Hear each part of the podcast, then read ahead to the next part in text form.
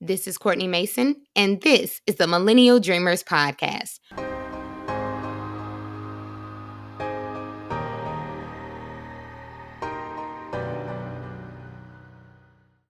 Well, hello, all you cool cats and kittens. I hope you're having a fantastic day today. And, you know, as everyone or different cities are starting to open up, I hope you're staying safe, continuing to be careful, and all that jazz. And I just want to get right into today's topic it actually is a rewind of one of the season one episodes. You know, when I started podcasting initially in 2018, I had all these different thoughts, and one in particular was popular. It was pretty short, but a lot of people told me they enjoyed it and it gave them some perspective on um, how they are approaching being creators or creatives. So I wanted to run that one back because it's a very good one. I enjoy listening to it, which I rarely enjoy listening to my own voice um, after I record things. I want to put it out there and be done with it. But um, this one is really good. So today's episode is a rewind, and I hope it's helpful for anyone who might during this kind of quarantine time or while we've been inside and you're struggling possibly to come up with ideas to put out into the world um, and you're thinking like maybe i should have been ahead on what i'm doing and you know i'm creating all these things and not a lot of people are paying attention to it this episode is a good one for that thought process if you will. So without further ado let's get into it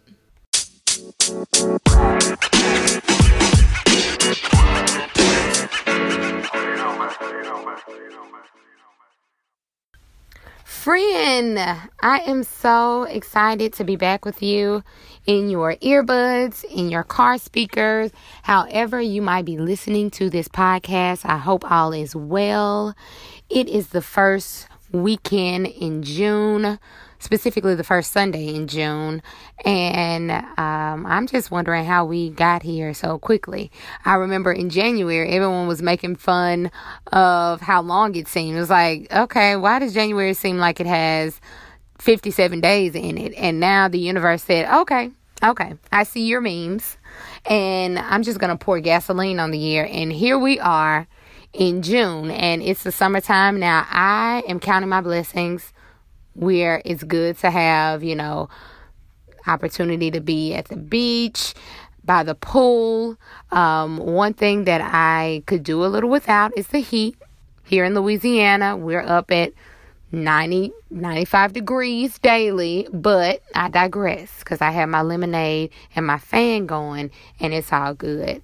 So, without further ado, we're just going to hop in today's topic. And today we're discussing the importance of doing the work before you get an audience, right? So, what do I mean by that? This has come across my timeline a number of times. I've seen um, individuals who are influencers, um, who have larger followings, and they've just given their accounts of things that have transpired in their lives. And then it also made me think of a conversation I had recently with one of my besties, Nicole. Shout out to Nicole um, about my first year dancing um, with Grambling State University. But before I get to that, I just wanted to to note that you know, and so in the social media digital age, if you are someone who desires to be an influencer or desires to share your content with the world, there is a little bit of pressure to get your numbers up, get your followers up, get people really consuming what it is that you're putting out. But the the focus should be on have you perfected the the content have you perfected the craft have you perfected the product or service that you would like to sell to other people right um, i remember listening to a sermon by Touré Roberts, um, who is the pastor of One Church LA and also the Potter's House in Denver. He's married to Sarah Jakes Roberts, who I love. And in one of his sermons, he mentioned that it's better to make our mistakes in obscurity before we have the eyeballs that we believe that we truly want. And that resonated with me because I've I've seen so many people and I've been um victim of this as well. I don't know if victim is the right word, but I've been someone who felt the same way. It's like you believe that you have great information and you you do. Sometimes you really have um, awesome content that you would like to share with the world and it seems as though you're not getting enough people to there to really see all of the great things that you're doing. But I want to implore you to not focus on that because that will come with time. And so when I thought back about my first year as a freshman at Grambling State University and with the Orchesis Dance Company, shout out to my my Orchesis family. I'm always, always, always going to big up my alma mater and also the Orchesis. But we would have to participate in this two week long camp situation at the beginning of each year. And as a freshman, you know, it's for, you know, you to condition your body to getting used to rigorous rehearsals and learning all of the content that the veterans already know. And it's just a lot to take in. So there'll be hundreds of girls in this large gymnasium in August in the summer heat. It was so, so hot. And, you know, as a dancer, I would always stand in the back. Right, I was standing in the back, but I had this red bandana on my head, so it was noticeable. You would you could point me out in the crowd, but I would always stand in the back and I would just make my mistakes. I would fumble, I would forget steps and all those things. But I wanted to do that while no one was really paying attention to me. I wanted to make sure that I knew the steps before the director said, "Hey, we're going to break down into groups. I want to see what everyone can do."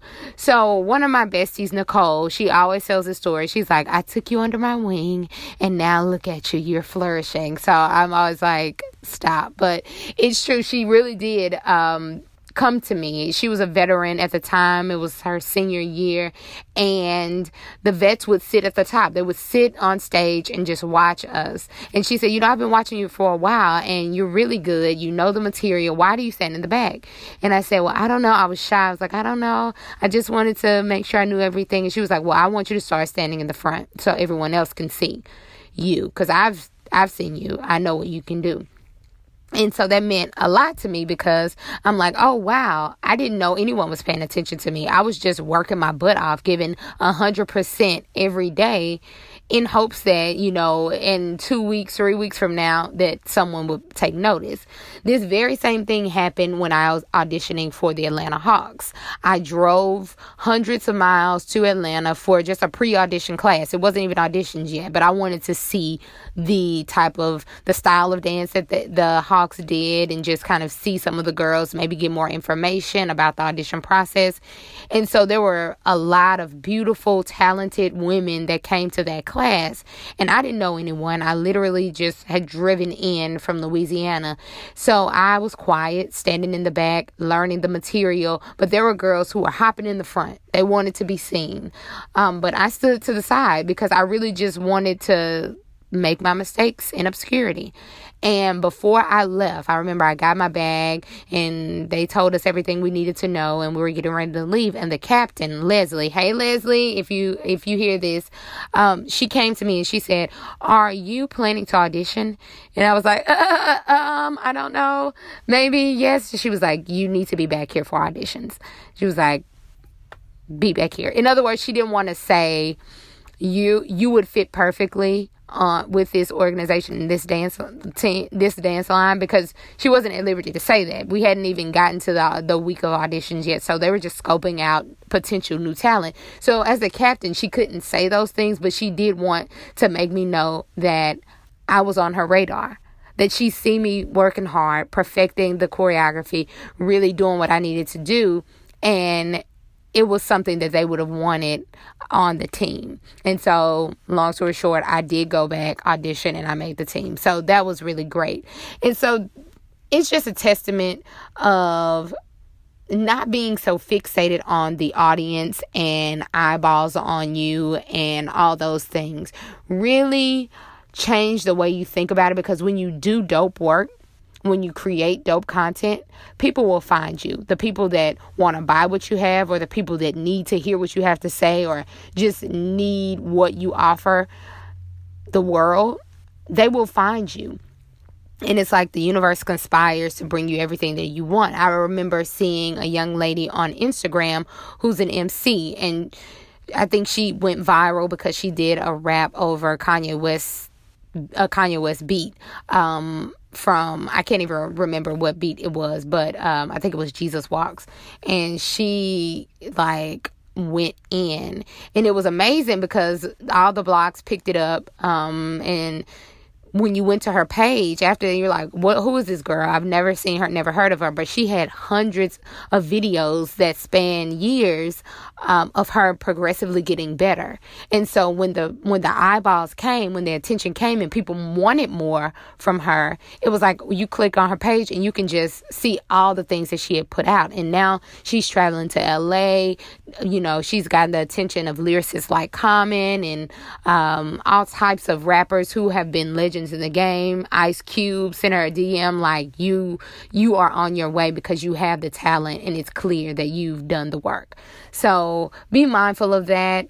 Um, don't let anyone make you feel like you need to have something because if you if people start paying attention and you really don't have anything to offer, then they're gonna not pay attention anymore. It's like you would have gotten it too early you know? You don't want to get the opportunity without being prepared for it and what what's to come. So that is this week's episode.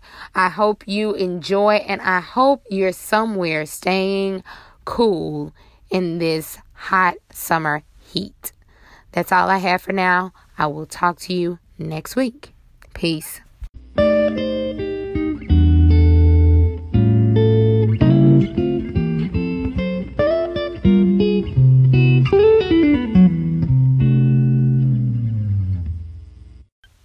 Thanks so much for listening to this week's episode. If you have any ideas you'd like me to discuss on the podcast, send me an email to millennialdreamerspodcast at gmail.com. Again, that's millennialdreamerspodcast at gmail.com.